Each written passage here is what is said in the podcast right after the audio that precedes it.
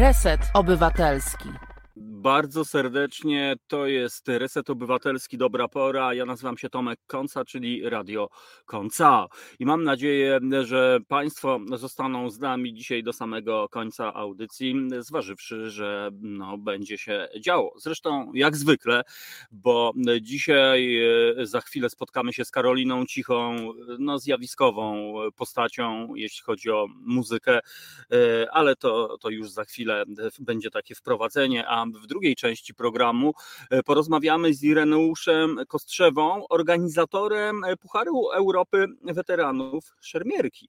E, no ja wiem, że tutaj taka jakby być może wydaje się, że jest to pewna niespójność stylistyczna, ale na koniec programu każdy sobie odpowie, czy to się zgadza, czy nie. Na pewno się zgadza. A ja na samym początku witam bardzo serdecznie słuchaczy, którzy zameldowali się na naszym YouTube'owym czacie. No i też muszę nawiązać do e, dobrej pory sprzed tygodnia, bo mm, dopiero po fakcie mogłem skojarzyć, że rzeczywiście zaproszenie Michała Lisieckiego mogło spowodować e, no, czyjeś skrzywienie albo no, nie najlepsze samopoczucie na przykład Marcina Celińskiego, redaktora naczelnego. Ale e, cóż mogę powiedzieć? No ja jakby nie śledzę, nie wiedziałem, że tutaj są oficjalne konflikty prawne i przede wszystkim no, zaprosiłem e, gościa, żeby powiedział o inicjatywie e, znakomitej moim zdaniem, czyli pomoc dla dziennikarzy z Ukrainy. No i tak to po prostu wygląda. Na pewno nie było moim zamiarem e, wywoływanie skandalu, żeby ktoś się w ogóle źle poczuł, czy żeby był smutny, czy nawet wręcz poddenerwowany. Jak wiecie, w dobrej porze są dwa podmioty: albo ludzie, y, którzy robią dobre rzeczy, albo y, dobre rzeczy, o których mówią ludzie. W przypadku y, tydzień temu właśnie o tej inicjatywie mówił mój kolega, którego znam bardzo, bardzo długo, no ale być może rzeczywiście było to nie do końca no po prostu na miejscu, albo nie na miejscu. Tak czy inaczej, jeżeli ktoś się źle poczuł, no to bardzo mi z tego powodu przykro przykro, to nie było absolutnie moim celem, a wręcz przeciwnie. No ale cóż, y, zostawmy tę historię, y, bo już za moment, a właściwie y, komisyjnie chciałbym powitać naszego pierwszego gościa, a właściwie gościnie, o której Tomasz Budzyński, wokalista zespołu Armia, powiedział, to talent na miarę Ewy Demarczyk, to najciekawsza osobowość wśród polskich wokalistek od lat. E, panie i panowie, Karolina Cicha, witam bardzo serdecznie. Dzień dobry, a właściwie wczesny dobry wieczór chyba. Dobry wieczór. Dzień dobry. I na początek bardzo dziękuję Karolino za to, że zgodziłaś się przyjąć zaproszenie, żeby znaleźć e, chwilę czasu, żeby poopowiadać o Twojej e, twórczości. E, przyznam się, że ja jestem ogromnym fanem, bo to, co robisz, jest no, nie dość, że oryginalne, nie dość, że wyjątkowe i zjawiskowe, no to po prostu nasycone jaką, jakąś taką misją. Tutaj mówię o płycie Tany, no bo ostatnia się ukazała płyta z muzyką Karaim rzymską. Dobrze mówię po prostu? Mhm. No właśnie, tak. bo, bo, bo, bo, pozwól, że tak chaotycznie trochę będę się przemieszczał w czasoprzestrzeni, ale, ale chciałbym nawiązać do Twojego znakomitego koncertu, który odbył się e, w Ojżanowie, bardzo blisko miejsca, gdzie ja w tej chwili się e, znajduję, e, w takiej prawie piramidzie, gdzie wystąpiłaś właśnie z materiałem z płyty Tany, który no rzeczywiście można powiedzieć, że, że to ja sobie zdałem sprawę, że ty uświadomiłaś nam, że, że muzyka taneczna to nie jest wymysł e, lat 90. ubiegłego stulecia. Jak e, do tego doszło i skąd ta konkluzja, że to po prostu jest taki potencjał e, taneczny? Na tym się na razie skupmy. Mhm. No, wiesz, to jest nie mój wynalazek. No, muzyka tradycyjna pierwotnie służyła albo do um, jakby oswojenia jakichś e, transgresyjnych momentów, e, czy to traumatycznych, czy jakichś wręcz przeciwnie, jakichś wesel chrzcin i tak dalej, a z drugiej strony zawsze służyła do, e, do towarzyszyła ludziom w tych szczęśliwych momentach i miała być energią, która po, podrywa do właśnie do, do działania ludzkie ciała. Po prostu. A powiedz, a, a, skąd w ogóle ta muzyka, e, e, w cudzysłowie pozwól, że powiem etniczna albo okołoetniczna, skąd ona się wzięła w twoim życiu? Bo ty pochodzisz z Podlasia i, i powiedz, czy to rzeczywiście jest tak, jak byłaś nastolatką, czy ta muzyka naprawdę wybrzmiewała, czy, czy, czy, czy to jest, musiałaś sama ją odkrywać? No, to jest tak, że ja jak byłam małą dziewczynką, to zamiast WF-u mieliśmy w szkole akurat zespół Małe Kurpie, bo to była bardzo taka e, dość e, podstawówka, która nie miała sali gimnastycznej, więc, ale za to miała klub osiedlowy i w tym klubie pracowała pani Chryniewicka. E, I ona ciągnęła dzieci na te swoje zajęcia i, mm, no i tam mm, się uczyłam tych różnych pieśni. Potem jak kilkukrotnie wykorzystywałam już w melodiach, y, które, które już tworzyłam jako dorosły, y, jako dorosły człowiek. No nie tworzyłam, po prostu adoptowałam te melodie tradycyjne. No i tak, no a jako nastolatek, no to słuchałam wszystkiego, czego wtedy nastolatki w latach 90. słuchały, więc nie mogę się tutaj pochwalić żadnym jakimś rodzinnym rodzinną spuścizną. Moi rodzice z kolei e, śpiewali, owszem, tato bardzo dobrze śpiewał i grał na gitarze, ale to były piosenki e, biesiadne mm, studentów lat 70., więc mm, nie było w tym nic e, jakiegoś tradycyjnego, a moja babcia z kolei Owszem, pojawiały się tam pieśni, które teraz odkrywam jako typowe dla regionu właśnie pod Tykocinem, wówczas, e, wówczas tego, e, tego nie do końca wiedziałam, ale nie był jakiś szeroki repertuar, to było tam parę pieśni. Mhm. A powiedz, bo e, ta muzyka, która, którą generujesz ty i twoi ludzie, no ona ma czasami takie różne wymiary, no bo ja tutaj wspomniałem o muzyce tanecznej, oczywiście każdy tam sobie dopowiada, e, czym ona e, jest albo jak może brzmieć, natomiast no też momentami taka ekspresja niemalże punk rockowa i tu moje pytanie, czy właśnie będąc nastolatką, czy utożsamiałaś się z jakąś subkulturą właśnie? Nastolatką, wiesz, no zawsze byłam, miałam ksywkę cicha hipiska.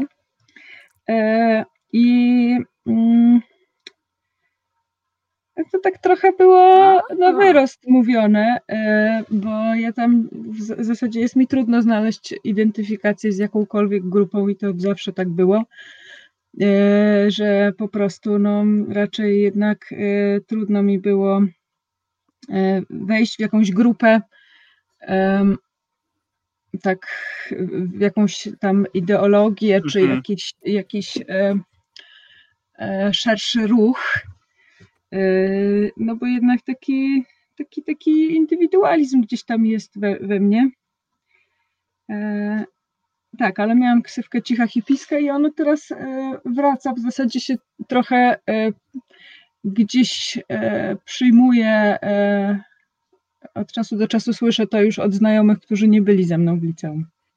A jednak, czyli coś e, ciekawe, na ile to e, determinowała, na ile to po prostu jest e, twój charakter. A pozwól, że spytam o instrumentarium, no bo w twojej muzyce rzeczywiście mamy, no jeżeli ktoś jest, nie jest specjalistą, nie jest znawcą, no to będą to bardzo egzotyczne, mimo że pochodzące z tej szerokości i długości geograficznej większości instrumenty. Jak, jak to się znalazło, że skompletowałaś taką kompanię? Że tak powiem, ludzi, którzy obsługują właśnie te e, instrumenty, które wyglądają no jak z muzeum, nie chcę być nieuprzejmy. E, to jest, to jest tak, że mm, pierwszym takim moim e, współpracownikiem, z którym e, mm, już właśnie obchodzimy dziesięciolecie wspólnej pracy, to był Andrzej Kijanowski, e, dźwiękowiec, akustyk, e, czyli osoba, która jest trochę niewidoczna dla widowni, mhm. aczkolwiek bardzo ważna. I Andrzej był ze mną wtedy, kiedy ja wymyślałam taki pierwszy mój projekt, ten się nazywał Pierwszy Etniczny. On to było po tym właśnie, jak nagrałam już tam te dwie rokowe płyty, ale jak chciałam zrobić muzykę tradycyjną, no to właśnie po, po, rozmawialiśmy z Andrzejem, opowiedziałam mu o, o, koncepcji wieloma językami, opowiedziałam mu o tym, że, że, że, że będę robić takie stypendium, bo to wtedy było właśnie w ramach stypendium Marszałka Województwa Podlaskiego. No i on mi powiedział o Barcie Pały, Pałydze. Bart Pałyga mhm. był takim pierwszym moim współpracownikiem, który wybitny multiinstrumentalista, mm, który właśnie jakby otworzył mi szeroko oczy na, na ten, tę mnogość instrumentów, którymi grają e, polscy muzycy właśnie tego świata world music. E, I, e, i Bart był niesamowity, bo on i, i obsługiwał i instrumenty smyczkowe, i też takie strunowce szarpane, grał mm -hmm. też na dafie, na, na przeróżnych instrumentach, na drumli też śpiewał gardłowo, więc bardzo to było dla mnie inspirujące. A potem e, a potem poznałam Mateusza Szemraja, z którym gram do tej pory.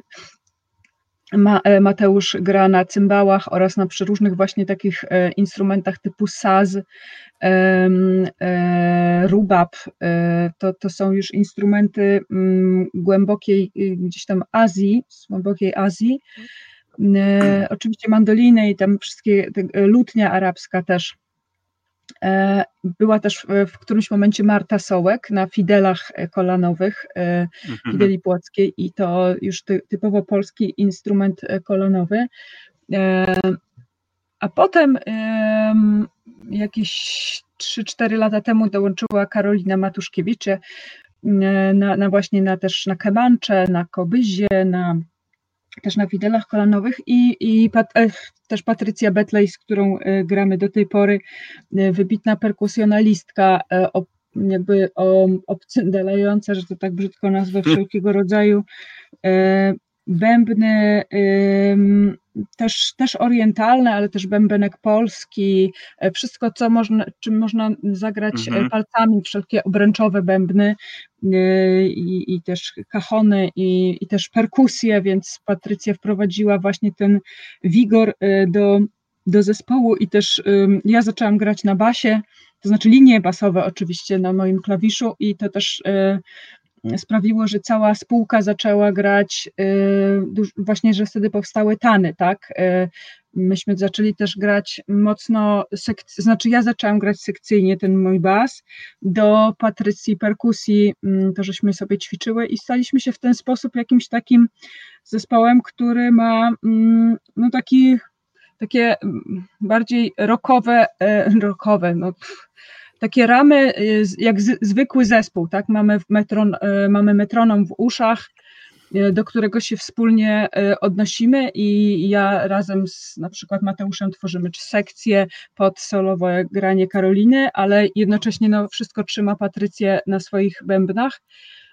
I to, to był to właśnie rok 2019-2020, kiedy mnie po prostu to absolutnie zachwyciła właśnie taka, taka jedność e, tej, tej sekcji. No, ja mam też dodatkowo wokal, co jest często trudne, bo grając bardzo do metronomu, który mi klika w uchu na basie, ja muszę być bardzo precyzyjna. Natomiast wokal zwykle często też idzie jakby wbrew, e, wbrew e, rytmowi, on jest mhm. często ad libitum, on jest często mówiony i taki powinien pozostać, więc tutaj trzeba było tego się nauczyć, jak e, ręką grać do rytmu, który leci z, w uchu, a, a jak mówić jednak cały czas interpre śpiewać, interpretując mhm. tekst i, i to jest takie, to było dla mnie no, wspaniałe No to jest, zdanie. E, myślę, że każdy, kto ma cokolwiek wspólnego z muzyką, e, kto próbował grać na instrumentach, wie, jakie to trudne. Ja naprawdę sobie nie jestem w stanie wyobrazić. Przyznam się, że e, trudno mi było sobie kiedyś wyobrazić perkusistów, którzy grają, później basistów, no ale ty po prostu to ogarniasz w sposób niewiarygodny. Pozwól, że spytam jeszcze o to instrumentarium. Będę będę drążył, bo, bo ZAS y, no ewidentnie to jest instrument bardziej, y, to jest turecki instrument, o ile się nie mylę, skoryguj mnie, y, ale, ale, ale akurat tutaj też mam kolegę takiego wirtuoza i wiem, że to, no, to, to nie jest częsty instrument i byłem zaskoczony właśnie widząc to w tym, tutaj wspomniałaś Fidole. Fidola, no to nie Fidel. wiem. Fidel. Fidel. A, nie Fidole, Fidole. A, widzisz, no to to już zostawmy. A właśnie, bo ja myślałem, że to jest Fidola, e, coś na kształt Fidoli Fischera po prostu, a to nie. No to, co to jest Fidel? Bo ja w tym momencie się zgubiłem już. No, zobaczcie sobie na mm, gdzieś Fidel Płocka się to nazywa. Jest to mhm. po prostu fidele kolanowe, jest Aha. cała linia instrumentów e, smyczkowych. Okej, okay, a powiedz y, Karolina, czy w tej muzyce, y, którą wy tworzycie, czy tam na przykład jest y, moment, jest miejsce na improwizację? Jest to w ogóle możliwe w tej formule? Tak, to mm, oczywiście my mamy jakąś tam zwykle szkic formy. Mhm. Zwykle mm, pieśń jest taką, e, taką ramą.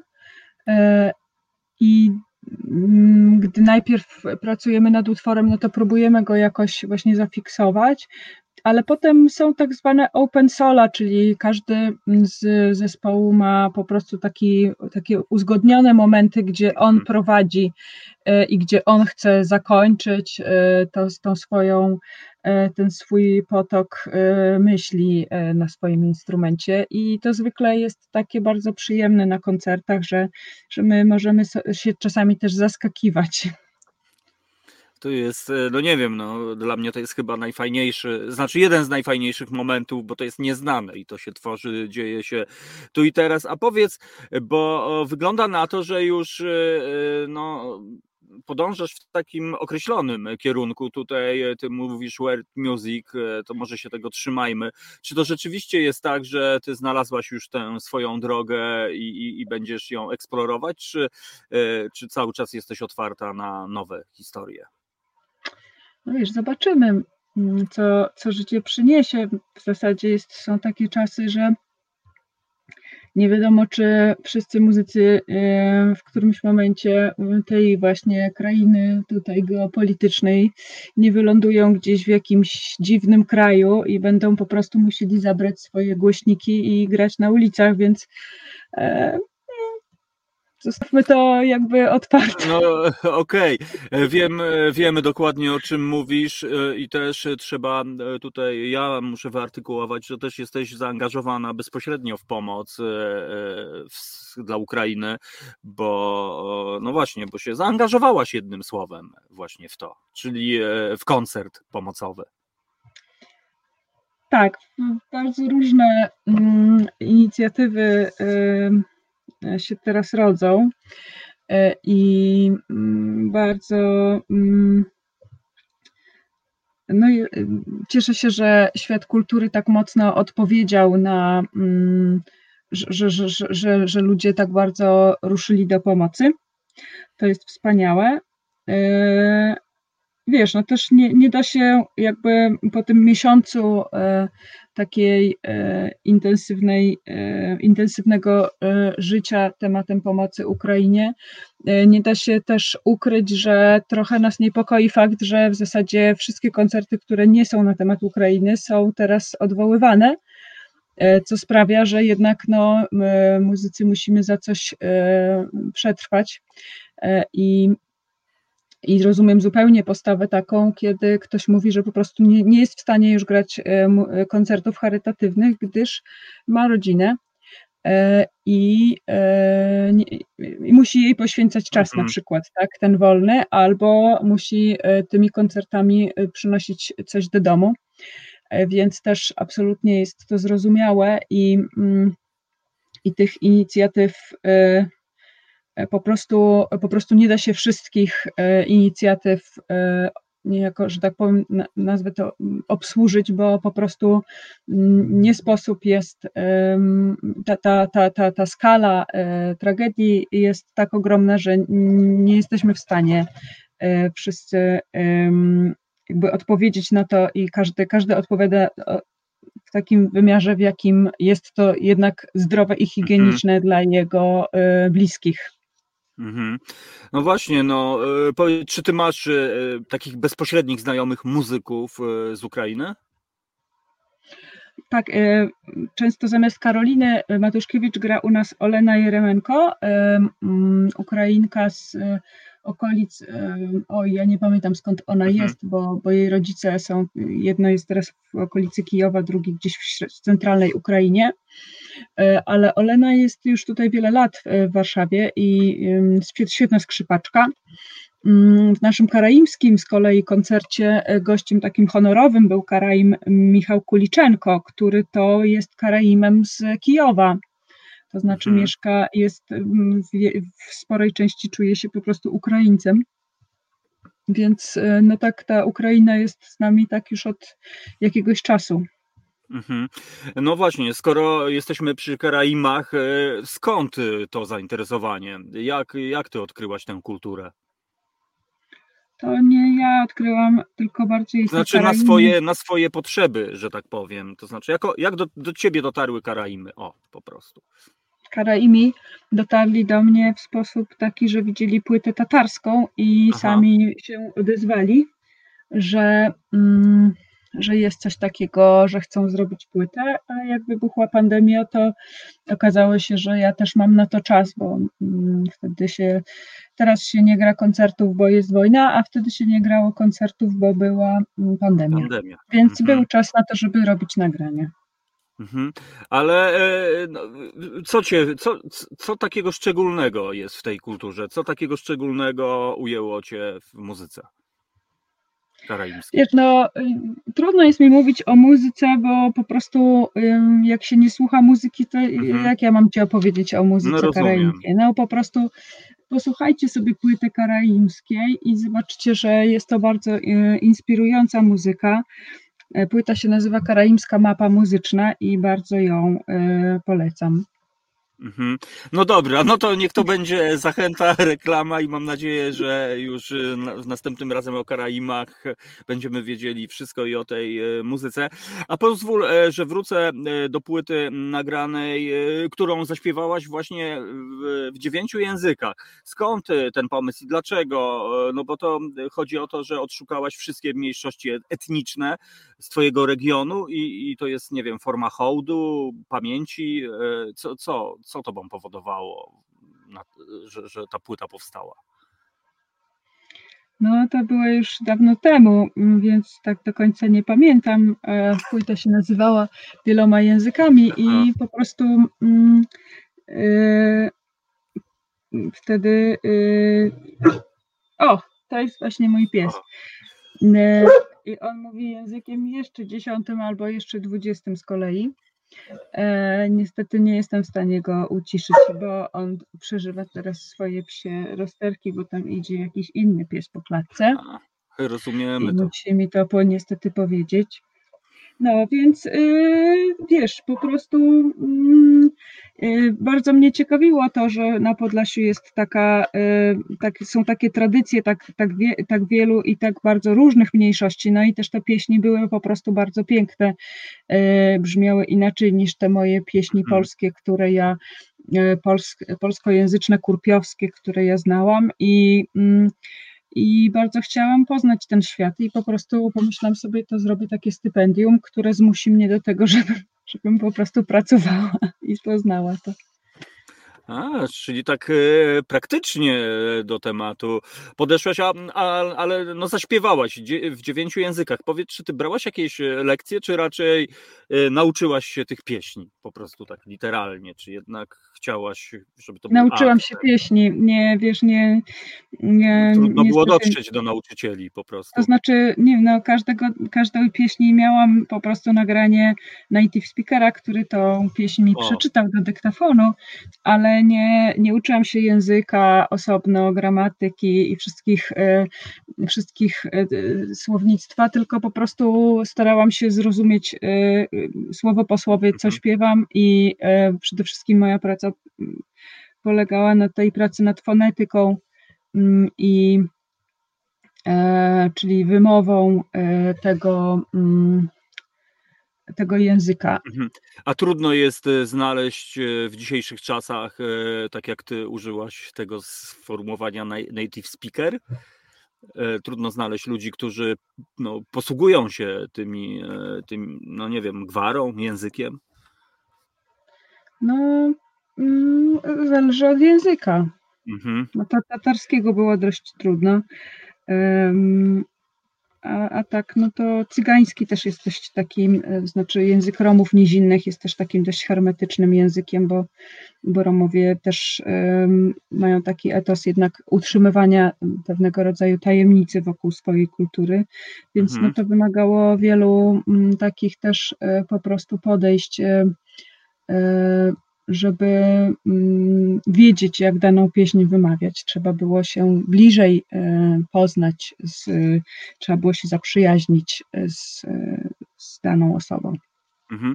A, e, bo tutaj e, od samego początku używamy pieśni, pieśń, a na koncertach jednak te twoje utwory, one mają w gruncie rzeczy, gdyby je przełożyć na, na dzisiejsze czasy, że to są piosenki. Czy uważasz, że można o tych utworach mówić piosenki? E, Czy w tamtych czasach na przykład, kiedy one powstawały, one były piosenkami, czy od zawsze były pieśniami? No bo pieśń to się kojarzy z takim, przepraszam, no z taką wagą, z takim czymś takim, no jednak poważnym, czymś takim trochę monumentalnym, no a piosenka jednak y, jest taką trochę luźniejszą formą. To zależy, Mhm. o, jakiej, o jakim utworze mówimy. No. Mhm. E, No tutaj znowu prze, przelecę do Tanów, do, do, do tego materiału muzycznego, czyli muzyka Mhm. klubowa z tamtych czasów, znaczy puszczowa bardziej, albo, Mhm. albo nie wiem. Uważasz, że to są pios- piosenki, y, można tak je nazwać, czy raczej trzymać się tego, tego poważnego charakteru? Czy... Jak Dobra, inaczej, obrazisz się, jak powiem, że to są piosenki po prostu? Mhm. Nie. mm, mm, mm. No dobra, no to, to przynajmniej tyle. E, Karolina zwiedziła się właściwie pół e, muzycznego świata e, ze swoją muzyką. Czy był jakiś taki koncert, który szczególnie zapamiętałaś? Poza Polską. Hmm. Mm, Wiesz, było mm, bardzo, to były bardzo różne koncerty i Mhm.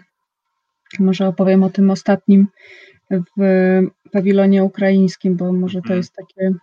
mm, e, No, najpierw graliśmy w pawilonie polskim, a potem poszliśmy Mhm. do pawilonu ukraińskiego i to był też taki ten koncert e, mm, szczególny, bo ja, mm, bo ten pawilon ukraiński też, no cóż, jak wybuchła wojna, to trochę y, też znalazł się w pewnym chaosie mm, organizacyjnym, tak? E, Też to było bardzo takie trudne doświadczenie, bo, bo tam gdzieś stał też pawilon rosyjski i mm, nie można było.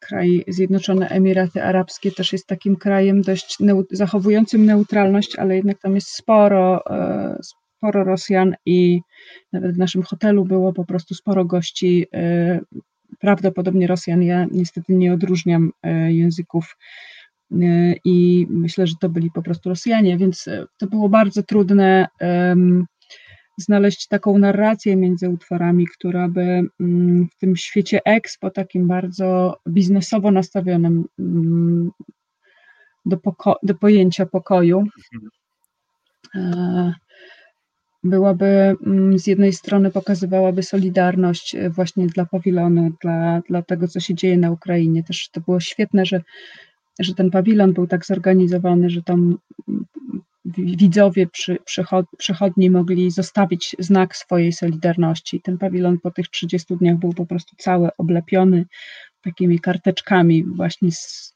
wypominkowymi, można by powiedzieć tak, Peaceful Ukraine. Także no to było nie, no, niesamowite takie przeżycie. mm, y, Niesamowicie też takie mm, po prostu dające, y, dające w- w- po prostu bardzo trudne emocjonalnie. Mhm. Mm, Bardzo trudno było mi też nie, y, nie płakać, kiedy śpiewałam jakąś pieśń po ukraińsku, bo mm, to się mm, artystom sceny rzadko zdarza, bo po prostu jakby staramy się robić tak, żeby to widownia płakała, a my nie. Y, I tak y, jakby to jest nasze zadanie, tak, żeby, żeby te emocje nie, żeby te emocje były, natomiast y, jednak musimy je kontrolować. I tutaj po prostu, kiedy robiłam y, próby do, tej, do tych pieśni, nie byłam w stanie, po prostu kapały mi łzy mhm. musiałam mieć chusteczkę, więc za chwilę ten głos był już taki za, mhm. za, za, za, za po prostu zamulony.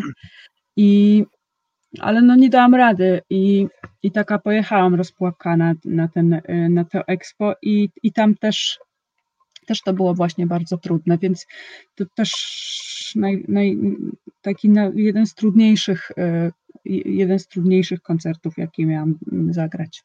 Mhm. No ale widzisz, y, to tylko świadczy i potwierdza po prostu, że, że jesteś no, prawdziwa i ta twoja muzyka jest po prostu prawdziwa. Ja sam jestem y, żywym dowodem y, na to, że no, można się wzruszyć nawet słuchając i przenieść się w trochę inny świat. Tutaj wiesz co, pozwól, że wrócę do tej pieśni i, i, i piosenek, bo pojawił się całkiem niezły komentarz, nie wiem co ty na to. Kasia Bajubaj napisała, pieśń to trochę jak baśń, a piosenka jak bajka po prostu taki. Taka, no, bardzo ładne porównanie. No właśnie, te, też, też tak sobie pomyślałem, słuchając tej e, twojej e, opowieści. E, Karolina, a ty zaczynałaś w sumie swoją taką sceniczną, nie chcę powiedzieć medialną, ale sceniczną przygodę od teatru, prawda? Mm, można tak powiedzieć. No właśnie, i e, jak ten teatr wygląda teraz w Twoim życiu? On gdzieś tam jest z boku, czy wykorzystujesz na scenie na przykład te doświadczenia, które e, zdobyłaś e, właśnie w tamtych czasach, czyli dawno, znaczy no niedawno tak, no ale kawałek temu. No właśnie, on tam gdzieś pewnie, pewnie gdzieś to procentuje. Mhm. Ale takie słowo w teatrze to mm, taki mówiony teatr mhm. psychologiczny, to w Gardzienicach to ja się nie, nie, nigdy nie umiałam tego, e, bo kiedy, dopiero kiedy jakby miałam melodię w tym tekście, to wtedy to zaczynało być prawdziwe w moim wykonaniu. E, ale ten teatr to gdzieś cały czas pewnie procentuje, poza tym, że też procentuje środowisko, które wtedy mm, i potem przez inne pokolenia było budowane e, właśnie wokół Teatru Gardzienice, to jest no, niesamowite środowisko ludzi też, którzy często też potem zajmują się e, różnymi innymi dziedzinami sztuki. Mam tu na myśli na przykład też naszą scenę folkową, bo czy Maniucha Bikont, czy zespół Sutari, to są takie zespoły, które gdzieś w głębokim, głębokiej prehistorii swojej mają te doświadczenie kilkuletniego, kilkuletniego pobytu w Gardzienicach. Mhm. E, no właśnie, bo ja sobie znowu nawiążę do tego koncertu, który można jeszcze obejrzeć czasem w TVP Kultura, znowu do tego koncertu w Ojżanowie. No to rzeczywiście ma się wrażenie, że gdzieś, e, że to jest spektakl, no, że to jest jakieś takie misterium troszeczkę e, i, i stąd to jest takie fajne, że to jest takie stuprocentowe, że to nie jest tylko muzyka, że za tym idzie po prostu, no tak, tak jak to mówił mój świętej pamięci znajomy Sławomir Klupowicz, szeroko pasmowe, po prostu takie naprawdę wypełniasz tą przestrzeń. A powiedz, e, e, bo bardzo często jest tak, że e, muzycy szukają swoich korzeni. No tutaj właściwie muzyka world music, muzyka etniczna, o której gadamy, to jest muzyka korzenna, ale czasami jest tak, że polscy muzycy szukają, nie wiem, korzeni w delcie Mississippi, na Jamajce, w Afryce albo gdzieś indziej. Czy ty znalazłaś już swoje muzyczne korzenie, które, czy, czy cały czas czas jednak jeszcze gdzieś tam próbujesz e, dotrzeć naprawdę do źródeł. A czy w ogóle Cię to interesuje? O, może tak powiem. Skąd w ogóle to? Dlaczego jesteś w tym wszystkim? Nie wiem, po prostu zadaj mi jakieś konkretne pytanie, bo zadajesz mi pytanie, dlaczego mnie interesuje muzyka, to Aha. jest dla mnie trochę dziwne. Nie, nie, nie, nie. Mnie interesuje nie. muzyka tradycyjna, no no po e, prostu, no, mnie interesuje, no. Mhm. Ale chodzi mi właśnie o korzenie, o szukanie e, Twoich muzycznych korzeni. Czy to jest właśnie muzyka tradycyjna, jednym słowem, z obszarów Podlasia? E, no, Wydaje i... mi się, że po prostu określenie muzyka korzeni to właśnie dotyczy mhm. muzyki tradycyjnej, tak? Mhm. Więc muzyka korzeni w Polsce, no to jest polska muzyka tradycyjna. Mhm. I tego, I tego się trzymajmy. A powiedz, e, jeszcze wróćmy do Twojej ostatniej płyty e, karaimskiej, e, czy wersje oblicze koncertowe. po prostu? Czy, czy będzie można to teraz na koncertach zobaczyć gdzieś u nas? Tak, jak sobie tutaj otworzę kalendarz, to tego jest Mhm. dużo, tylko no nie wiadomo, co tutaj się nazmienia, bo mm, już powoli dochodzą Mhm. mnie słuchy, że niestety kultura będzie znowu miała cięcia w tym roku z powodu e, zaszło, no, tych wydarzeń. No wiadomo. One się, e, one się zawsze odbijają w pierwszym rzędzie na, na kulturze, ale jest sporo tych koncertów. Em, W czerwcu to się tak tego zaczyna dużo. A, Mhm. jutro będzie, czekajcie, nie, pojutrze będzie fajny koncert, ciekawy w Warszawie, w Palladium. Będę brała udział w takim koncercie w środę o 19 jest ten koncert. Mm, mm, To jest koncert e, poświęcony e, Tadeuszowi Gajcemu, e, takiemu Mhm. mm, powstańcowi. Też bardzo wydaje mi się, że na czasie ten koncert i, i to, to, to, to, to przywołanie w Palladium w Warszawie i, i tam będzie orkiestra grała e, utwory Mhm. właśnie do poetyckie i usłyszymy dwa e, e, aranżacje na orkiestrę tych utworów, które ja kiedyś zrobiłam na płytę Gajcy, to znaczy Miłość Mhm. bez jutra i Noc Wigilijna. E, To, e, to teraz usłyszymy taką moją kompozycję w e, aranżacji na orkiestrę. Ja też jestem bardzo ciekawa, jak to zabrzmi. I coś tutaj jest jeszcze jakiś, teraz na, tak na szybko to patrzę, że jak patrzę na ten mój kalendarz, to on się zapełnia teraz takimi spontanicznymi często akcjami i możliwe, że 12 mm, to jeszcze jest, oczywiście jest niepotwierdzone, ale jest y, prawdopodobne, że jak będzie ten mecz y, Dniepr Mhm. ym, Legia, chłopcy y, y, z, z Kijowa zespół przyjeżdża grać charytatywny mecz y, z, ym, polskim, z polską drużyną. Ja tam będę coś śpiewać przed tym meczem y, na stadionie Legii. Zobaczymy. Nie wiem, o której to będzie mm, jeszcze, ale, ale zobaczymy, mm, i- jak, jak to będzie zaśpiewać Mhm. właśnie taki, taki, takiemu meczowi, takiej drużynie. No na pewno niezłe emocje się szykują. Tak, 23 gramy w e, Muzeum Azji i Pacyfiku według e, wstępnych planów. Tak, Mhm. tak.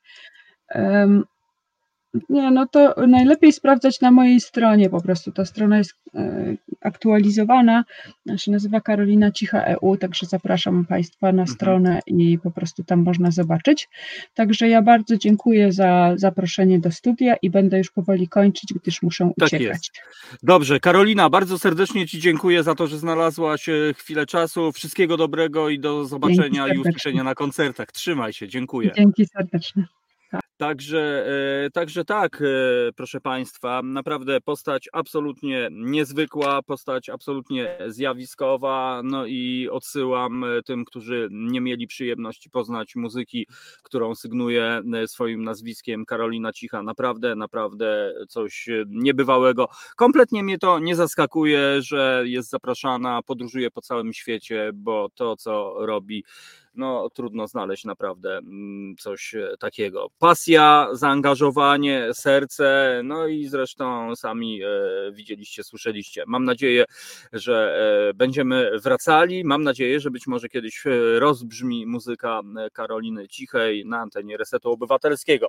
A to jest dobra pora, Radio Koncao. Poprosimy Asię o przerwę muzyczną i za chwilę, za chwilę połączymy się z naszym kolejnym gościem z którym porozmawiamy o niezwykłym wydarzeniu i, i w ogóle nawiążemy do pewnej historii, może nieco niszowej w dzisiejszych czasach, może nieco zapomnianej, a może wręcz nieznanej. Kasia napisała bardzo wyjątkowa, profesjonalna muzyka. No, szczególnie mnie urzekła płyta Tany, która jest e, czymś e, niesamowitym. Naprawdę czymś niesamowitym. Myślę, że można jej słuchać e, w samotności, można słuchać jej e, na imprezie i można e, w ogóle po prostu się nią cieszyć. Także raz jeszcze Karolinie dziękuję, a ja przypomnę, to jest dobra pora, Reset Obywatelski, poprosimy Joannę o muzykę i wracamy do Was dosłownie za kilka minut. Reset Obywatelski. Medium, które tworzysz razem z nami. Komentuj, pisz i wspieraj. O, o, o, e, miłość rządzi światem. E, ja myślę, że chyba nikt absolutnie nie ma tutaj e, żadnych wątpliwości. To jest Reset Obywatelski. Dobra pora, ja nazywam się Tomek Konca, czyli Radio Koncao. I już za chwilę, już za chwilę porozmawiamy z Ireneuszem Kostrzewą, który jest jednym z organizatorów, reprezentuje Komitet Organizacyjny Stowarzyszenie Polskich Weteranów Szermierki. Tak, proszę Państwa, polscy weterani szermierki mają się dobrze, no i szermierka wraca e, w wielkim stylu, że tak e, e, parafrazować będę słowa znane z filmu Pulp Fiction. W 1963 roku w Gdańsku odbyły się szermiercze Mistrzostwa Świata. No i właśnie do tych wydarzeń nawiązuje, nawiązuje nasz gość. Halo, halo, dzień dobry Ireneuszu, czy jest już z nami nasz gość? O, tutaj e, widzimy, proszę Państwa, e, gość e, nadchodzi i za moment, mam nadzieję, nam e, nadzieję nam się tutaj objawi. No mam nadzieję, że to tylko jakieś takie drobne interferencje, no ale sami wiecie, proszę Państwa, e, dzisiaj kolejny alert RCBG, wczoraj i przedwczoraj opady śniegu, dzisiaj huragany, tajfuny i tak dalej i mam nadzieję, że tutaj nas nie zwieje. Także na razie nie mamy podglądu z kamery, widzę głos Asi, to może rzeczywiście spróbujemy jeszcze zagrać zagrać jedną piosenkę e, i, e, i spróbujemy, e, kochani, i spróbujemy opanować tutaj nasze drobne problemy techniczne. O, już była zajawka. Ja w tym momencie czuję się niczym komentator sportowy, co jest jak najbardziej przecież na miejscu, bo mówimy tutaj o Mistrzostwach Świata, więc na Mistrzostwach Świata zawsze tak jest, że komentator cały czas opowiada o tym, że na przykład widzi już w blokach startowych zawodników, którzy sznurują swoje e, buciki e, i za chwilę wystartują. Tak więc mamy drobny problem e, techniczny, moi drodzy, i poprosimy o muzykę, spróbujemy to ogarnąć i wrócimy do Was już naprawdę za chwilę. Mam nadzieję, że wszystko będzie działało. To jest audycja na żywo, drodzy Państwo. Takie rzeczy dzieją się po prostu i czasami to jest ich urok, czasami to jest taki właśnie charakter tych programów. Także tym razem zamieniamy się w Reset Obywatelski i na sam system Styli i za chwilę, za chwilę połączymy się z naszym gościem. Tak więc droga Jasiu, poprosimy o kolejną e, przerwę muzyczną, no i mam nadzieję, że uda nam się już za chwilę, za chwilę spotkać e, z naszym gościem. Proszę Państwa, e, a tymczasem widzę na czacie, to ja może będę pozdrawiał, pozdrawiam panią Annę, pozdrawiam panią Katarzynę, Katarzynę, e, pozdrawiam pana Lecha, e, panią Ludwinię, pozdrawiam panią Danutę, pana Piotra, panią Mirosławę, e, panią Jolę, panią Wiesławę pozdrawiam, panią Mirę i chyba wszystkich już pozdrowiłem. Tak więc naprawdę bardzo ładne, znakomite grono. My próbujemy cały czas się połączyć, ale niestety nam to się nie udaje. Także halo, halo, tutaj poprosimy o przerwę, poproszę o. Musimy tutaj e, no, tak się komunikować. Tak, tak to już jest, e, moi drodzy. E, o, dużymi literami poproszę o muzykę. No takie interferencje się dzieją. I tu na razie widzimy, że jest jakiś naprawdę kłopot techniczny. Także myślę, że za chwilę to wszystko opanujemy. O, tutaj pojawiło się nam e, e, już, już, już widzę, jesteśmy naprawdę blisko. To są emocje, proszę Państwa, właśnie, które najczęściej towarzyszą emocjom sportowym, szczególnie kiedy jesteśmy w finale, e, kiedy za, za chwilę wszystko się wyjaśni i w tym momencie pyk i interferencja. Interferencja, zamieszanie, po czym kolejne ujęcie, on idzie, a wszyscy, no i jak to się skończyło, jak to się dzieje, no ale niestety, niestety tak to już jest. No cóż, drodzy Państwo, drobny problem techniczny. Mam nadzieję, że wkrótce ten problem naprawdę przestanie istnieć. A jeśli chodzi o szermierkę, proszę Państwa, skąd w ogóle zainteresowanie szermierką? No myślę, że to właśnie sami słyszeliśmy na początku zapowiedzi, że w 63 roku no mistrz Pawłowski, proszę Państwa, i tak dalej, i tak dalej. No, Polska szermierką stała, szpada, szabla, floret, e, to właśnie wszystko e, to, o czym e, myślimy, mając na myśl, mówiąc szermierka. Przyznam się, że nigdy nie wiedziałem, jakie są różnice między szpadą a szablą, oczywiście w kontekście sportu, no bo wiadomo, że pan Wołodyjowski no to trochę innym, że tak powiem, narzędziem się posługiwał niż dzisiejszy, niż dzisiejsi współcześni sportowcy. Także ja raz jeszcze poproszę o muzykę. Y, Asię, naszą realizatorkę. To jest Reset Obywatelski. Tworzymy go razem. Dołącz do nas na YouTube, Facebooku i Twitterze. Jest e, Reset Obywatelski, dobra pora i mam nadzieję, że uda nam się e, porozmawiać z naszym e, gościem, Ireneusz Kostrzewa. No ale jak widzimy, tu niestety niepokojące kółko, które zatacza swoje kręgi. No i niestety nie wiemy, co nam się tutaj dzieje. E, to może spróbujemy, słuchajcie, porozmawiać e, przez e, telefon. No cały czas, cały czas problemy techniczne. Jak widzimy, no takie rzeczy się niestety coś dzieją, coś pozytywnego. Dzisiaj mój uczeń mnie przeprosił, Katarzyno. No, ale, ale dlaczego coś pozytywnego? No, ja mam nadzieję, że, że mimo wszystko ten dzień jest pozytywny, mimo że tych e, interferencji e, cały czas nie możemy się pozbyć. No mimo wszystko raczej jest pozytywnie. Piotr tutaj nam wyjaśnia, że szpada do kłucia, szabla do cięcia, a floret to do czego po prostu? No tak się właśnie zastanawiam.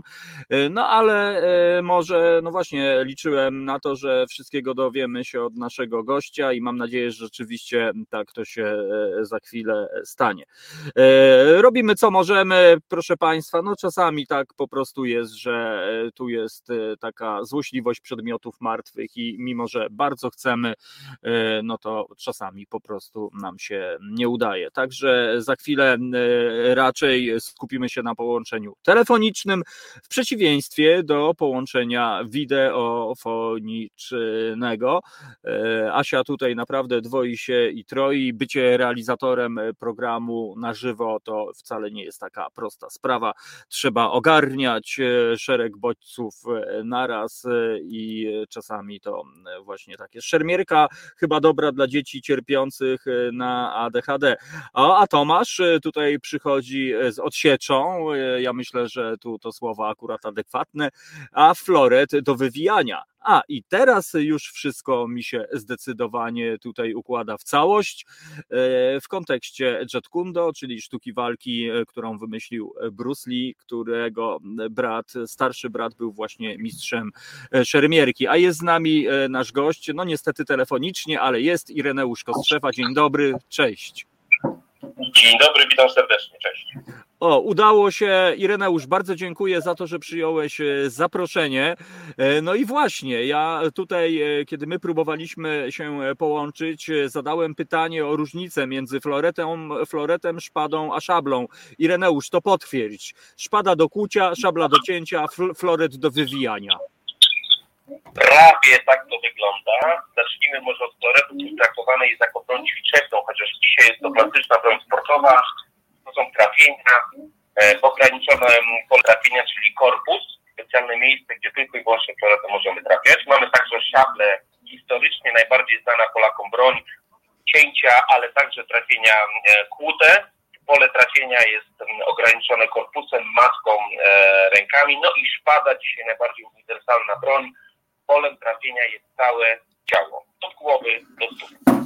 Trafienia Czyli, czyli mówimy tutaj o takim e, klasycznym właściwie e, podejściu do sportu, no bo jednak e, szermierka, umówmy się, no to jest jedna chyba z najstarszych dyscyplin sportowych. Ireneusz, ale zanim przejdziemy do samego wydarzenia, które już, już naprawdę niebawem, jak ty trafiłeś, jak zaczęła się twoja przygoda z szermierką? Przyznam szczerze, że zupełnie przypadkowo. Kiedyś w szkole podstawowej wychodząc ze szkoły zobaczyłem kolegę, który był, który miał ze sobą worek szermierczy. Kiedyś to było coś na kształt gitary, coś na kształt po prostu na gitarę. Ten obraz mnie zafascynował, kolega mnie zachęcił do tego, abym przyszedł na trening szermierczy i tak zostałem. Co ciekawe, z grupy, która wtedy trafiła w tym samym czasie, było nas czterech, zostałem jeden jedyny. Także mhm. od tego czasu, czyli od lat, a wstyd się przyznać, w e, jestem blisko szermierką. No właśnie, wcale nie wstydź się przyznać, bo właśnie chciałem Cię spytać, kiedy to dokładnie było, e, a Ty odpowiedziałeś. Mówimy tutaj o latach 70., o rety. To już nawet nie będziemy, nie będziemy e, mówili. Minęło blisko Ireneusz no, 40 lat, a właściwie nawet nie blisko. E, I, i tutaj takie, takie wydarzenie. Puchar Europy weteranów szermierki w Szpadzie. Skąd pomysł? Dokładnie tak. Skąd ten pomysł, powiedz? No pomysł jest pomysłem nie nowym, jako że weterani, polscy weterani zbierali się do organizacji tego typu imprezy, imprezy klasy mistrzowskiej od dłuższego czasu. Ale może kilka słów historycznie. Eee, weterani w Polsce jest to długa historia, jako że ruch działa już prawie od 30 lat. Weterani wywożą się nie tylko z grupy osób, które w przeszłości miały do czynienia aktywnie ze sportem, ale także, co jest bardzo ciekawe, wśród weteranów są także osoby, które nigdy zawodniczo nie spotkały się z szermierką. Okay? I za e, pasja pojawiła się w trakcie już dorosłego życia, czyli tak zwana grupa amatorów, także aktywnie uczestniczy w życiu weterańskim. Puchar Europy Weteranów w Szpadzie jest pierwszą tak wysoko klasyfikowaną imprezą w Polsce. E, jest to impreza, która jest częścią cyklu Pucharów Europy organizowanych w Europie. Okay, no oczywiście musimy pamiętać, że ostatnie miesiące, ostatnie lata były bardzo mocno i restrykcyjnie ograniczały nam możliwość organizacji tego typu imprez w Europie. COVID bardzo mocno zamknął możliwość aktywnego spotykania się na planszach. Co więcej, na przykład półtora miesiąca temu miały być zawody w Kijowie, no i te zawody zostały odwołane właśnie i to było związane z wybuchem e, konfliktu wojny e, na Ukrainie. Dzisiaj mhm. też po pewnych perturbacjach, ale mamy w kalendarzu Puchar Europy Weteranów. Jesteśmy dumni z organizacji tego, tej imprezy pierwszej, tak wysoko klasyfikowanej w Polsce. Mhm. E, e, tu pozwól Ireneuszu, e, komentarz Lecha Szystowickiego. Dzień dobry panie Ireneuszu, a spojrzałem do klasera. Cała seria z 28 Mistrzostw Świata w Gdańsku jest na miejscu, sześć znaczków. No co za historia, co za historia, czyli jednak to się cały czas dzieje. Ireneusz, a skąd w ogóle fenomen szermierki? Bo ja mam wrażenie, że w latach 70. to był bardzo, bardzo popularny sport Teraz mam wrażenie, jest trochę mniej popularny. No tutaj się zgadzam, dokładnie tak. Dzisiaj, dzisiejsza rzeczywistość, dzisiejsze sportowe podejście do szermierki, trudne, skomplikowane dla osób spoza grona e, znających szermierkę, powoduje to, że sport się stał troszeczkę niszowy. Aczkolwiek wszystkie działania prowadzone przez Międzynarodową Federację Szermierczą, czy też inne organizacje, które promują szermierkę, idą w kierunku przybliżenia tego sportu dla wszystkich uczestników. Pamiętajmy o tym, że jeszcze niedawno szermierka była sportem, który opierał się na decyzjach sędziów, nie było żadnych elementów świetlnych określających trafienie zadane czy też nie. Dzisiaj każda osoba, która wejdzie na salę szermierczą, usiądzie i będzie miała możliwość posłuchania komentarza, zrozumie, co tak naprawdę na planszy się zdarzyło. To zrozumienie jest także potwierdzone elementem świetlnym, czyli zawodnik, który zadaje trafienie, e, ma swoje światełko, czy to czerwone, czy to zielone i to światełko się pali. Także tutaj te zasady przybliżamy do osób, które są osobami postronnymi, osobami, które nie miały do czynienia w przeszłości z mhm. szermierką. A wracając do e, kwestii historycznych, to pamiętajmy o tym, że szermierka jest chyba pierwszym sportem lub tym najbardziej znanym sportem, który w historii Polski e, miał miejsce. Okay? Pamiętajmy o tym, że to jest to była szermierka historyczna. Dzisiaj także bardzo aktywny ruch szermierki historycznej. Ta szermierka przekształciła się w szermierkę sportową, prawda? Szermierkę, która dzisiaj już jest sportem bardzo mocnym i dynamicznym, ale tu trzeba też jasno powiedzieć, że Polska osiągała, osiąga sukcesy także, czy to w obszarze e, sportów e, wyczynowych, czy także, myślę już wkrótce, także sportów weterańskich. Mhm. Ireneusz, e, bo pewnie tobie nie wypada mówić, ale ile tytułów masz na swoim koncie? Czy mógłbyś, przepraszam, powtórzyć? Bo ile, ile tytułów masz na swoim koncie związanych z szermierką? To może tylko skupię się na czasach szermierki weterańskiej. Jestem dwukrotnym mistrzem Polski weteranów w szpacie. No właśnie, no bo pewnie długo byśmy... Roku na ostatni tytuł zdobyłem w grudniu zeszłego roku na turnieju na Mistrzostwach Polski, także rozgrywany w Gdańsku. E, e, pozwól, Ireneusz, że zadam Ci takie może bardziej prywatne pytanie, bo być może niektórzy z naszych słuchaczy myślą, że mamy do czynienia e, z aktywnym sportowcem, który cały czas w mniejszy bądź większy sposób kontynuuje swoją sportową karierę, ale zawodowo to Ty nie jesteś przecież sportowcem, Ireneusz. Sportowcem nie jestem. Na co dzień jestem pracownikiem międzynarodowej korporacji, odpowiadam za obszar sprzedaży w dużej instytucji finansowej. Każdy wolny czas wykorzystuję na możliwość trenowania. E, mhm. Jeszcze niedawno, kiedy tylko czasu miałem troszeczkę więcej, także e, praktykowałem jako trener, jako że posiadam papiery trenerskie. Dzisiaj niestety obowiązki zawodowe nie pozwalają mi na to, żeby e, wspierać kolegów e, w rozwoju szermierczym młodzieży. Między innymi w mhm. klubie, który prezentuję, to jest klub szermierzy Warszawianka. O, i tego się e, trzymajmy. No właśnie, a jak, jak z nowym pokoleniem e, Irek e, szermierzy? Czy rzeczywiście tutaj mówimy o jakimś, bo wiesz, bo są takie, no teraz patrzymy, jeśli mówimy o sport, no to wiadomo, triumfuje MMA wszechobecne, jeszcze wcześniej piłka nożna, a ta szermierka gdzieś tam, gdzieś tam niektórzy nawet myślą, że, że coś takiego nie istnieje. Jak z twojej perspektywy to wygląda? Są adepci, są chętni? W dalszym ciągu szermierka jest sportem na dzień dzisiejszy niszowy. Wiadomo, że te mhm. wszystkie sporty medialne, typu piłka nożna, typu tenis, e, są sportami, gdzie dzieci bardzo mocno się garną. Ale powiem, że widzimy bardzo duży progres. Wszystkie grupy młodzieżowe, tu się oprę na tym, co widzę w swoim klubie, w klubie, w którym mam okazję trenować, czyli w klubie Szermierzy Warszawianka. Wszystkie grupy młodzieżowe są naprawdę bardzo duże w kategoriach skrzatów, młodzików, dzieci, e, juniorów. Naprawdę tych młodych ludzi jest bardzo, bardzo dużo. Młodych ludzi, którzy chcą trenować. Widzę także bardzo duże zaangażowanie i zainteresowanie rodziców, którzy nie tylko przychodzą, kibicują, dopingują, ale także uczestniczą w życiu klubu, na przykład przy organizacji zawodów, przy e, wsparciu właśnie w budowie takich całych schematów związanych z zawodami, interesują się, integrują, a co jest ciekawe, są też rodzice, którzy na e, fali treningu prowadzonego przez ich dzieci także zaczęli zainteresować się samodzielnie szermierką i dołączyli do grup amatorsko-weterańskich.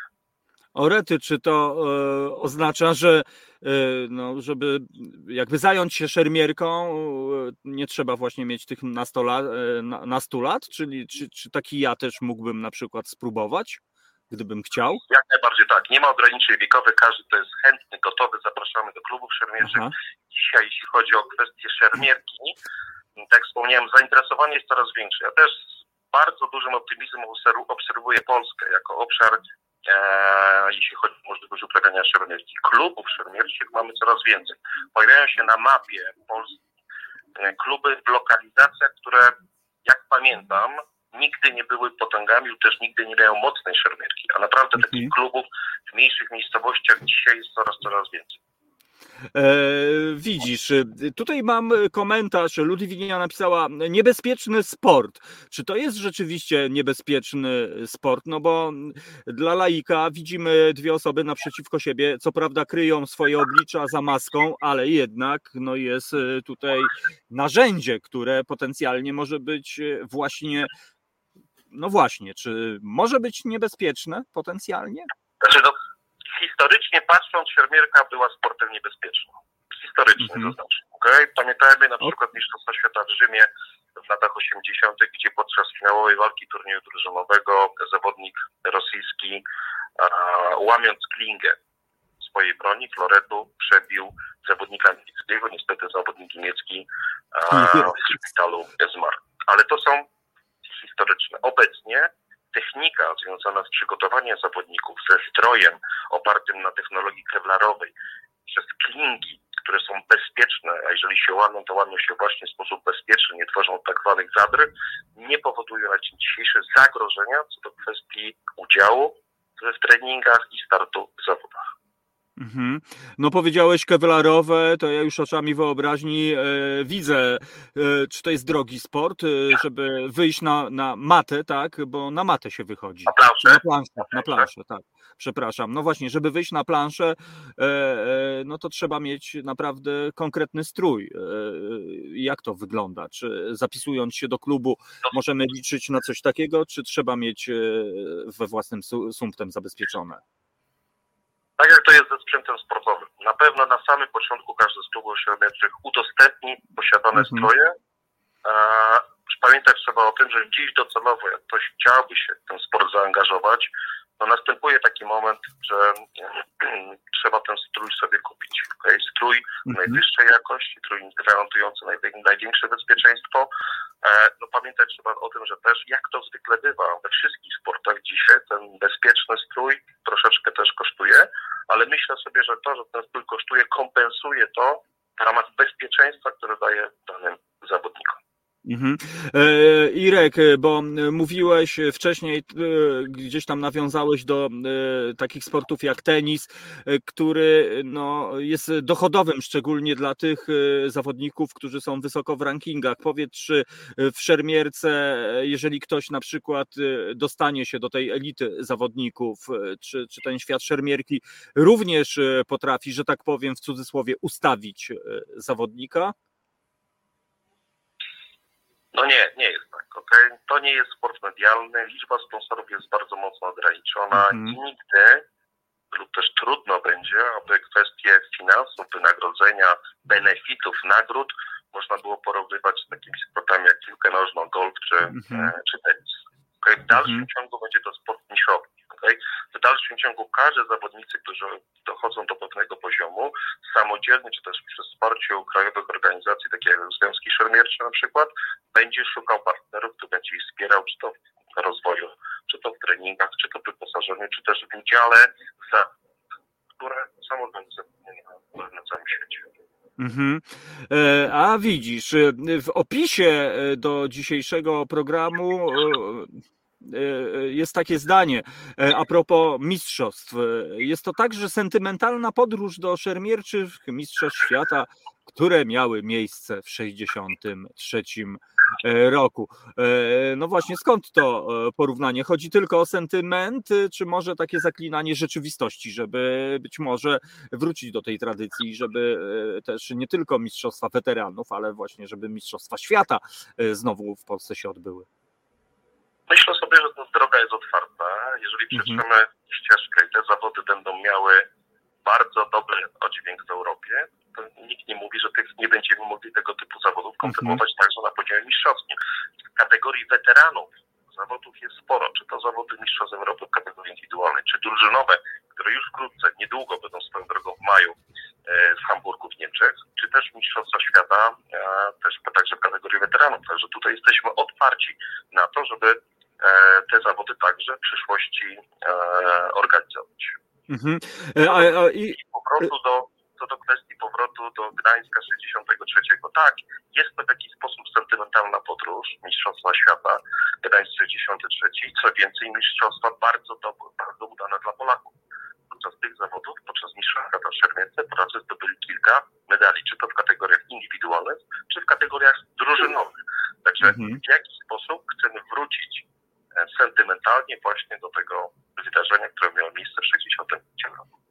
A być może stworzy się taki pozytywny snobizm e, akurat e, na ten jakże szlachetny e, sport. Ireneusz, a powiedz, jeżeli ktoś myśli, bo być może dzieci naszych słuchaczy, może nasi słuchacze mają dzieci i sobie właśnie wpadli na taki pomysł, żeby może właśnie tą drogą iść. Jaki jest najlepszy wiek, żeby zacząć przygodę z szermierką i czy w ogóle jest taki wiek, żeby myśląc zawodowo po prostu? Myślę, że nie jest, nie ma określonego. Aczkolwiek dzisiaj generalnie w sporcie obserwujemy, że także w szermierce, także w szermierce, że dzieci zaczynają bardzo wcześnie.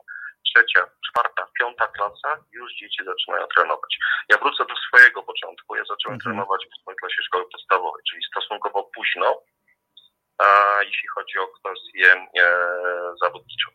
Dzisiaj nie ma ograniczenia prawda? Pamiętajmy o tym, że im młodszy zawodnik, to ten trening musi być bardzo rozmaicony. Okay? To, była, to jest zabawa, mm-hmm. a nie fakt trening szermierczy. Podsumowując, nie ma dzisiaj ograniczeń. Kto chciał, kto chce spróbować, może rozpocząć trening, tym bardziej nie ma ograniczeń. W drugą stronę, czyli, czyli e, bieg nie robi różnicy. Aha, a jak e, długo y, trzeba się przygotować właśnie, żeby wyjść na planszę? Y, czy to jest proces, nie wiem, trwający latami, czy, czy można, y, nie wiem, czy trochę krócej na przykład? Czy odpowiem może na podstawie grupy, z którą mam dzisiaj przyjemność trenować, grupy amatorów, weteranów amatorów. Do tej grupy co jakiś czas dołączają nowe osoby. Okay? Nauczenie się podstawowych kroków szermierczych, nauczenie się podstawowego podsługiwania e, ze szpadą, to są treningi, a nie tygodnie czy też miesiące treningów. -hmm, że taka osoba, która przychodzi na trening po kilku spotkaniach, po kilku zajęciach z trenerem, gdzie trener właśnie pokazuje, jak wyglądają podstawowe kroki, jak wyglądają podstawowe działania, jak wyglądają podstawowe trafienia, może dołączyć już do grupy amatorów, co więcej, może także dołączyć do walk, tak, aby móc spróbować się w tej najprzyjemniejszej części treningu szwajmerczego, czyli walkach walka, czyli e, sparring, e, inaczej zwany w innych kategoriach. A jak, e, Ireneusz, wygląda taki, taka właśnie walka? Profesjonalna walka, powiedzmy, że jesteśmy na zawodach. Jak to dokładnie wygląda? Ile jest rund? Ile one trwają? Ile trwają przerwy między, między właśnie pojedynkiem? W zależności od liczby uczestników, ale generalnie dzisiaj w kategoriach zawodowych, czyli tych, takich mhm. osób aktywnych, jest jedna, jedna runda, gdzie w trakcie tak zwanej eliminacji grupowej zawodnicy walczą do pięciu trafień. Na podstawie wyników eliminacji grupowych jest zbudowana klasyfikacja i na podstawie klasyfikacji jest ustalana część dalsza turnieju, czyli tak zwane e, rozgrywki pucharowe. Okay? W rozgrywkach mhm. pucharowych walki trwają do 15 trafień i co jest ważne, zawodnik przegrywający walkę odpada z turnieju. Także tylko i wyłącznie zwycięzcy mogą mieć szansę na to, żeby dojść do tego najciekawszego e, elementu każdej zawodów, czyli walki finałowej. Mhm. E, zawodnik e, zasło ma zasłoniętą twarz. Czy dozwolone są również trafienia właśnie w okolice głowy? Tak, tak. Maska w szpadzie jest ale obszarem trafienia. Tak jak wspomniałem, szpada jest tym dzisiaj najbardziej uniwersalnym mhm przeciwnicy mogą sobie zadawać trafienie wszystkie miejsca, począwszy od głowy, macki, przez ręce, przez korpus, aż do samej stopy, mm. czyli tej części, myślę, najbardziej widowiskowej, bo trafienia w stopy są bardzo ciekawe, jeśli chodzi o kwestie osób oglądających e, zawody. Mm. A jakie, jakie cechy, e, to znaczy co możemy zyskać dzięki e, uprawianiu szermierki? To znaczy myślę o tym, no bo tak, na pewno szybkość, prawda? No bo to jest niezbędne. Na pewno refleks, tak zwane szybkie oko, e, czy... czy, czy, czy... analityczne myślenie, jako że o. trzeba umieć analitycznie obserwować przeciwnika, analizować jego kolejne działania, co więcej przygotowywać swoje działania do tego, aby przeciwnika zaskoczyć. Także te trzy obszary, dwie, które wymieniłeś, plus analityczne myślenie, tutaj w tym, e, w tym przypadku trzech punktów, to jest podstawa skutecznej szermierki na dzień dzisiejszy. No wiesz co, ale to brzmi ok, wszystko w porządku, tylko że kiedy prześledzimy walkę, to trwa naprawdę bardzo szybko, wszystko dzieje się dynamicznie. Jak to teraz połączyć? Ty mówisz analityczne myślenie, fajnie, w teorii ok, ja mogę sobie wziąć, usiąść i napisać. Natomiast e, w momencie, kiedy e, tutaj w sekundę się coś wydarza, to, to, to jest naprawdę no, no, ogromna umiejętność opanować coś takiego. Zgadza się, ale dlatego każdy zawodnik podczas walki, dzisiaj walka w eliminacjach grupowych trwa 3 minuty, Mhm. każdy, każdy zawodnik przygotowuje sobie pewne działania, testuje przeciwnika, na Mhm. jaki ruch, na jakie działania bronią przeciwnik będzie reagował. I to jest podstawa do tego, żeby podejmować pewne działania konkretne. Czy trafienie na rękę, czy trafienie Mhm. na stopę, czy wyprzedzenie, czyli wyprzedzenie ruchu przeciwnika. To wszystko się odbywa na zasadzie obserwacji, pracy w dystansie, pracy pomiędzy przeciwnikami, e, tak aby zabezpieczyć swoje pole trafienia, a móc zadać trafienie przeciwnikowi. Mhm. E, Ireneusz, e, to opowiedzmy precyzyjnie w takim razie o miejscu, dacie i co będzie się działo podczas mistrzostw, a właściwie Pucharu Europy Weteranów. Dokładnie. Mhm. Puchar Europy Weteranów w Szpadzie będzie miał miejsce w Gdańsku 9 kwietnia, czyli w najbliższą sobotę. Rozpoczynamy zawody o godzinie 9. E, Zawody będą miały miejsce w Gdańskiej Szkole Szermierki, pięknym obiekcie, nowoczesnym obiekcie dedykowanym właśnie do treningu szermierczego z pięknymi salami, z pięknym zapleczem.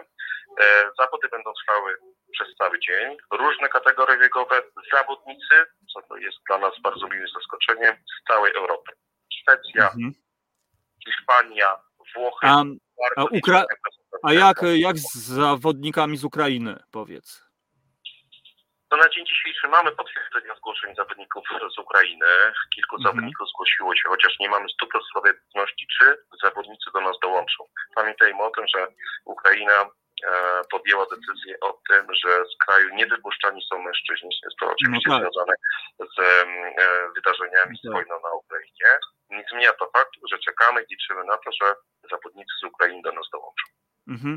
A e, gdyby ktoś z naszych e, słuchaczy chciał wziąć udział jako widz, e, jako kibic w mistrzostwach, co należy zrobić?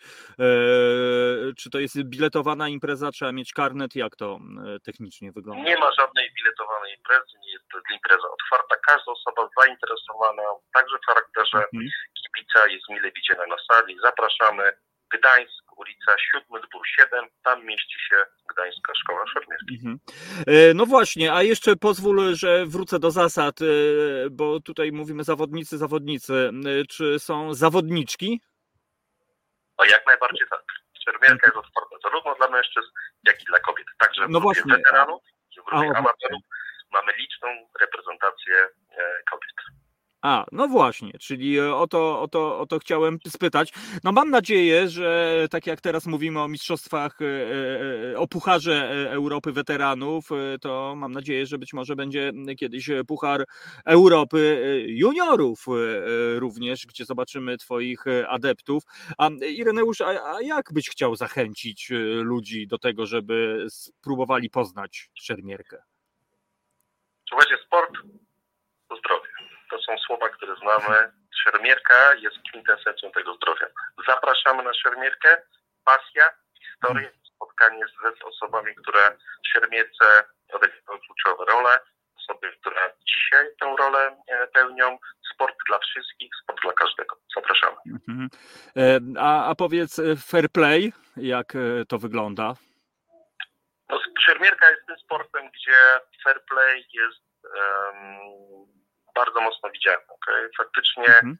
dżentelmeni na planszy, chociaż emocji nie brakuje, nie ukrywam. To nie jest tak, że e, sport szermierka jest takim sportem, gdzie tych emocji nie ma. Bardzo dużo emocji. Czasami Mhm. zawody są bardzo głośne, bardzo ekspresyjne. Zawodnicy zadają trafienia też w jaki sposób zadowolenie z tych trafi- trafień na zewnątrz e, pokazują. E, Ale fair play jest jednym z podstawowych zasad szermierki. No właśnie, wydaje się, że to jest właśnie taki, taka klasyczna dyscyplina sportowa e, i to dobrze rokuje, bo mam nadzieję, że nie tylko snobizm, ale że ludzie dostrzegą w tym ogromny potencjał, e, potęgę i, że Polska szermierką e, będzie stała tak, jak to było kiedyś. No bo chyba można tak powiedzieć, że Polska szermierką stała. Polska szermierką stała, Polska na wzór. Pamiętajmy o tym meczu bokserskich Hala Gwardii No e, w właśnie. Warszawie. E, Także mieliśmy olbrzymie, popularne, z dużą liczbą kibiców mecze szermiercze. Polska-Węgry Mhm. z szabli, w polskiej reprezentacji takie nazwiska jak Zabłocki między innymi. To Oczywiście. było bardzo popularne. To są lata oczywiście 50. i początek lat 60. Chcielibyśmy z takim zaangażowaniem, z takim zainteresowaniem wrócić także w dzisiejszych czasach i zachęcić osoby nie tylko do udziału w streamerce, do treningów, ale także do obserwacji, do zrozumienia, z czym dzisiaj, Mhm. jak tak naprawdę dzisiejsza mierka sportowa wygląda. No właśnie, i myślę, że to jest ogromna misja tego wszystkiego, żebyśmy, bo tak jak z Karoliną, e, przez chwilę męczyłem ją z, z Karoliną Cichą o korzenie, poszukiwanie tych e, muzycznych korzeni, e, to tutaj tak sobie mam wrażenie, że warto właśnie pamiętać o tym, o czym ty mówiłeś, że przecież Polska Szkoła Boksu, czy Polska Szkoła Szermierki, nie wiem, czy takie pojęcie było, ale na pewno wiem, że był to sport na pewno niezmiernie, niezwykle popularny i myślę, że najwyższy czas sobie o tym przypomnieć e, i, i takie działania, które ty e, i twoje stowarzyszenie podejmuje, temu po prostu służą. Ireneuszu, bardzo serdecznie ci dziękuję, a, a, ale jeszcze zanim, e, powiedz, czy ty już wszystkie trofea masz na półce, czy jednak cały czas cię korci, żeby jeszcze wyjść na planszę i, i dokonać dźgnięcia? Zdecydowanie aktywnie, zdecydowanie o ile jest to możliwe, ile czasu mi pozwala, staram się zarówno trenować, jak i uczestniczyć w zawodach organizowanych przez Stowarzyszenie Polskich Weteranów Szermierki w Polsce, ale także o ile Mhm. mam możliwości czasowe, także wyjeżdżać do kolegów za granicą. Na przykład dwa tygodnie temu duża reprezentacja mojego klubu była w Wilnie na Litwie, też uczestniczyła w zawodach e, weteranów Iron Wolf. Co za historia. A e, na boisku, no, a właściwie na trybunach, na meczu śpiewa się Polska Gola. A co się śpiewa e, na, na pucharze, na mistrzostwach właśnie? Raczej się nie śpiewa. Po szczotek prostu. połamania klink, ale O. nie słyszałem, żeby ktoś śpiewał. Na pewno jest bardzo aktywnie, szczególnie w turniejach drużynowych, bardzo mocno zawodnicy siebie dopingują, może nie śpiewając, ale Mhm. w inny sposób dopingując swoich Czuć- e, czuć. e, kolegów z drużyny. No i widzisz, to jest to fair play chyba, o którym ty mówiłeś, e, coś niezwykłego. Irek, e, bardzo serdecznie ci dziękuję za e, spotkanie. Słuchaczy z Trójmiasta, od, no, namawiamy was, drodzy państwo, już w sobotę możecie wziąć udział w niezwykłym widowisku sportowym i myślę, że będą emocje naprawdę porównywalne. Czy z, pojedynki, bo to chyba tak się mówi, pojedynki czy walki? Tak, E. pojedynki, walki, pojedynki możemy używać wymiennie. Czy, czy u Bookmachera można obstawiać? Sądzisz? Nie słyszałem o tym. Dobra, bo Eee. chciałem tutaj cię naciągnąć na faworytów. Jakiś czarny koń, jakieś nazwisko bym sobie zanotował i tam wiesz później, jak to jest. Jak No, ale to już- w kontakcie, chętnie przekażę informacje. Ja może jeszcze dodam, jeśli pozwolisz na koniec. Koniecznie. A myślę, że to jest ważna informacja w świetle Puchar Europy Weteranów, imprezy po raz pierwszy organizowanej w Polsce, że pani prezydent miasta Gdańska zdecydowała o objęciu patronatem honorowym naszej, naszego wydarzenia, naszych zawodów. Także to jest Mm. bardzo ładna, fajna impreza i bardzo doceniana między innymi przez panią prezydent Gdańska. No, no i to już jest e, bardzo konkretna e, nobilitacja i konkretne wyróżnienie i tylko pokazuje poziom e, znaczeniowy tej imprezy. Jestem naprawdę niezmiernie ciekaw, Ireneusz, na pewno wrócimy, na pewno się odezwę, bo być może podzielisz się z nami kimś po prostu, e, że, że, że mamy takie objawienie, że mamy objawienie, bo mam wrażenie, że taki renesans jakiś tego naszego sportu może w końcu będzie na naszych oczach i tutaj nie mówię tylko o piłce nożnej, ale o właśnie o takich klasycznych dyscyplinach Jestem jak pewny, że tak będzie i dzięki Waszej stacji tym bardziej nam będzie pomagało to, aby ten ruch weterańsko-amatorski rozkwitał.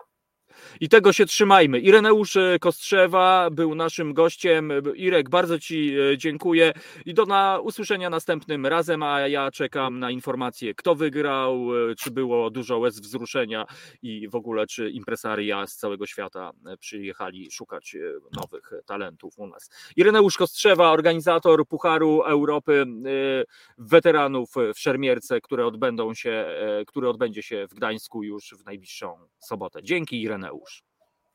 Dziękuję bardzo. Do usłyszenia i do zobaczenia. E, dziękuję Ireneuszowi. E, no tutaj Tomasz napisał, co za ulga, w śpiewie nie osiągamy mistrzostwa tym stadionowym i nie tylko.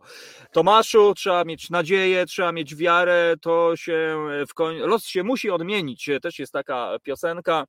Ja mam wrażenie, że rzeczywiście być może, e, być może w końcu coś się tutaj zmieni, że zapomnimy tej naszej nieśmiertelnej, okrutnej piosenki Polacy nic się nie stało na rzecz właśnie, e, że e, na, te, na rzecz tych miłych chwil. Szermierka sport e, naprawdę szlachetny. Ja tutaj znowu wrócę do mojego idola Brusa Lee, e, który pod, po, po, podkreśla, że bez szermierki e, jego by po prostu nie było, bo cały styl poruszania się Brusa Lee, proszę Państwa, cała praca nóg, tak zwane szybkie oko i analityczne myślenie, to o czym mówił Ireneusz Kostrzewa, to właśnie jest to, co cechuje tego znakomitego mistrza. Kto by pomyślał, prawda? No więc sami zobaczcie. Ja przyznam się, zawsze, zawsze patrzyłem z ogromną ciekawością, aczkolwiek z takim niepokojem na zawodników, bo rzeczywiście e, widząc e, szpadzistów, e, no to gdzieś tam mieliśmy tutaj hrabia Monte Cristo, Wołodyjowski i tak dalej, i tak dalej, te pojedynki, no i tutaj to przeniesienie jednak na tą planszę. Przyznam się, że zawsze mi się to bardzo podobało, dlatego no, skorzystałem z tej okazji, żeby porozmawiać z Ireneuszem o tym, co się szykuje w najbliższą sobotę. Ludwinia widziałem dziś panią prezydentową, e, panią prezydentkę już e, wyleczyła nogę po skomplikowanym złamaniu. No pozdrawiamy panią prezydentkę, e, panią Dulkiewicz i mam nadzieję, że być może właśnie będzie oklaskiwała zdobywców Pucharu w Gdańsku. Także no cóż, bardzo dziękuję wam drodzy państwo dzisiaj za, za to spotkanie. No mieliśmy troszeczkę interferencji, ale taki już urok. Przynajmniej udało nam się dobrnąć do końca mimo huraganu, który już tutaj tutaj szaleje na zewnątrz e, studia, w którym ja w tej chwili się znajduję. E, także Państwu naprawdę, naprawdę e, bardzo dziękuję. Taki śpiew jak z trybun brytyjskich stadionów, nieosiągalne, pisze e, Tomasz Tomaszu. E, trzeba mieć wiarę, naprawdę. Ja e, znam takie przykłady, gdzie są takie śpiewy i to na trybunach piłkarskich, że prawdopodobnie byś był Tomaszu zaskoczony. Przypomnę tutaj znakomitą drużynę piłkarską, a właściwie alternatywny klub sportowy Zły, gdzie nie chce się wrócić w ogóle z meczu do domu. Właśnie ze względu na atmosferę, na to, co się dzieje, na to ogromne fair play, na miłość do sportu, na dobrą energię, na dobre wibracje, na spotkania z ludźmi. E, jest to naprawdę możliwe. Ja wiem, że kiboling e, wyparł e, to wszystko i to nie mówię o kibolingu tylko w kontekście piłki nożnej, ale w kontekście ogólnie sportu. Ale tak naprawdę wydaje mi się, że najbardziej tym historiom związanym ze sportem szkodzą tak naprawdę pieniądze, proszę Państwa. One demoralizują, one powodują, że sportowcy sięgają po dopingi i tak dalej, i tak dalej i chyba zapominają o tym, czym tak naprawdę ten sport y, jest. No ale mam nadzieję, że tak jak budujemy postawę obywatelską, tak samo odbudowujemy ten e, organiczny sport, gdzie nie celem jest Ferrari i Lamborghini w garażu, tylko celem jest realizowanie swojej pasji, realizowanie celów, reprezentowanie z orzełkiem e, przecież nas wszystkich. Myślę, że to jest piękne. Sport naprawdę jest czymś e, naprawdę fantastycznym, budującym i, mm, no i nie wyobrażam sobie bez niego życia. Także drodzy Państwo, bardzo serdecznie Wam dziękuję. To była dobra pora. Tutaj troszeczkę prywaty. O 21 zapraszam na piwnicznik artystyczny w Radiu Konca, a jutro o 15 na radiowy obiadek, gdzie sobie podsumujemy również nasze dzisiejsze spotkanie. Reset oczywiście nadaje dalej. O 19 kolejna audycja, więc zostańcie e, z nami. Proszę Państwa, wszystkiego Wszystkiego dobrego. Raz jeszcze bardzo dziękuję. To była dobra pora. E, Radio Koncao w resecie obywatelskim. No i mam nadzieję, że dobra atmosfera Państwa opuszczać nie będzie, aż do momentu, kiedy e, ułożycie oblicze na poduszeczce w Waszym łożu i powieki staną się ciężkie e, i kraina Morfeusza powita Was z otwartymi ramionami. Bardzo dziękuję. Miłego wieczoru. Ra. Asi, Asia Tor, naszej realizatorce również dziękuję za to, że czujna była i, e, i tutaj nas wspierała. E, I do usłyszenia e, i do zobaczenia. Dziękuję Państwu. Dobranoc, do zobaczenia.